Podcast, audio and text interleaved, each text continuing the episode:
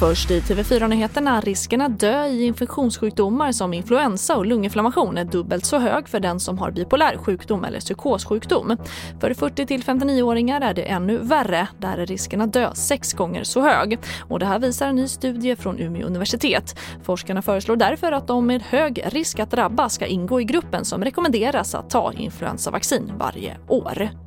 Och den pågående elkrisen med rekordhöga olje och gaspriser i världen skapar ett starkt sug efter nya fossilfria energikällor. Vattenkraft ovan jord har ju länge varit en stabil elleverantör men nu görs allt mer avancerade försök att få fram el ur tidvattenströmmar. Ett av de mest långtgående projekten genomförs på Färöarna där ambitionen är ett fossilfritt samhälle om nio år. Och en patients underliv fattade eld under en operation på Akademiska sjukhuset i Uppsala efter att en desinfektionssprit som applicerats plötsligt antändes, det rapporterar SR. Operationen innehöll en behandling med elström och enligt lex Maria-anmälan från sjukhuset så hade inte etanolen avdunstat. Patienten fick brännskador och behövde sen genomgå en hudtransplantation. Och det får avsluta den här sändningen. Jag heter Charlotte Hemgren.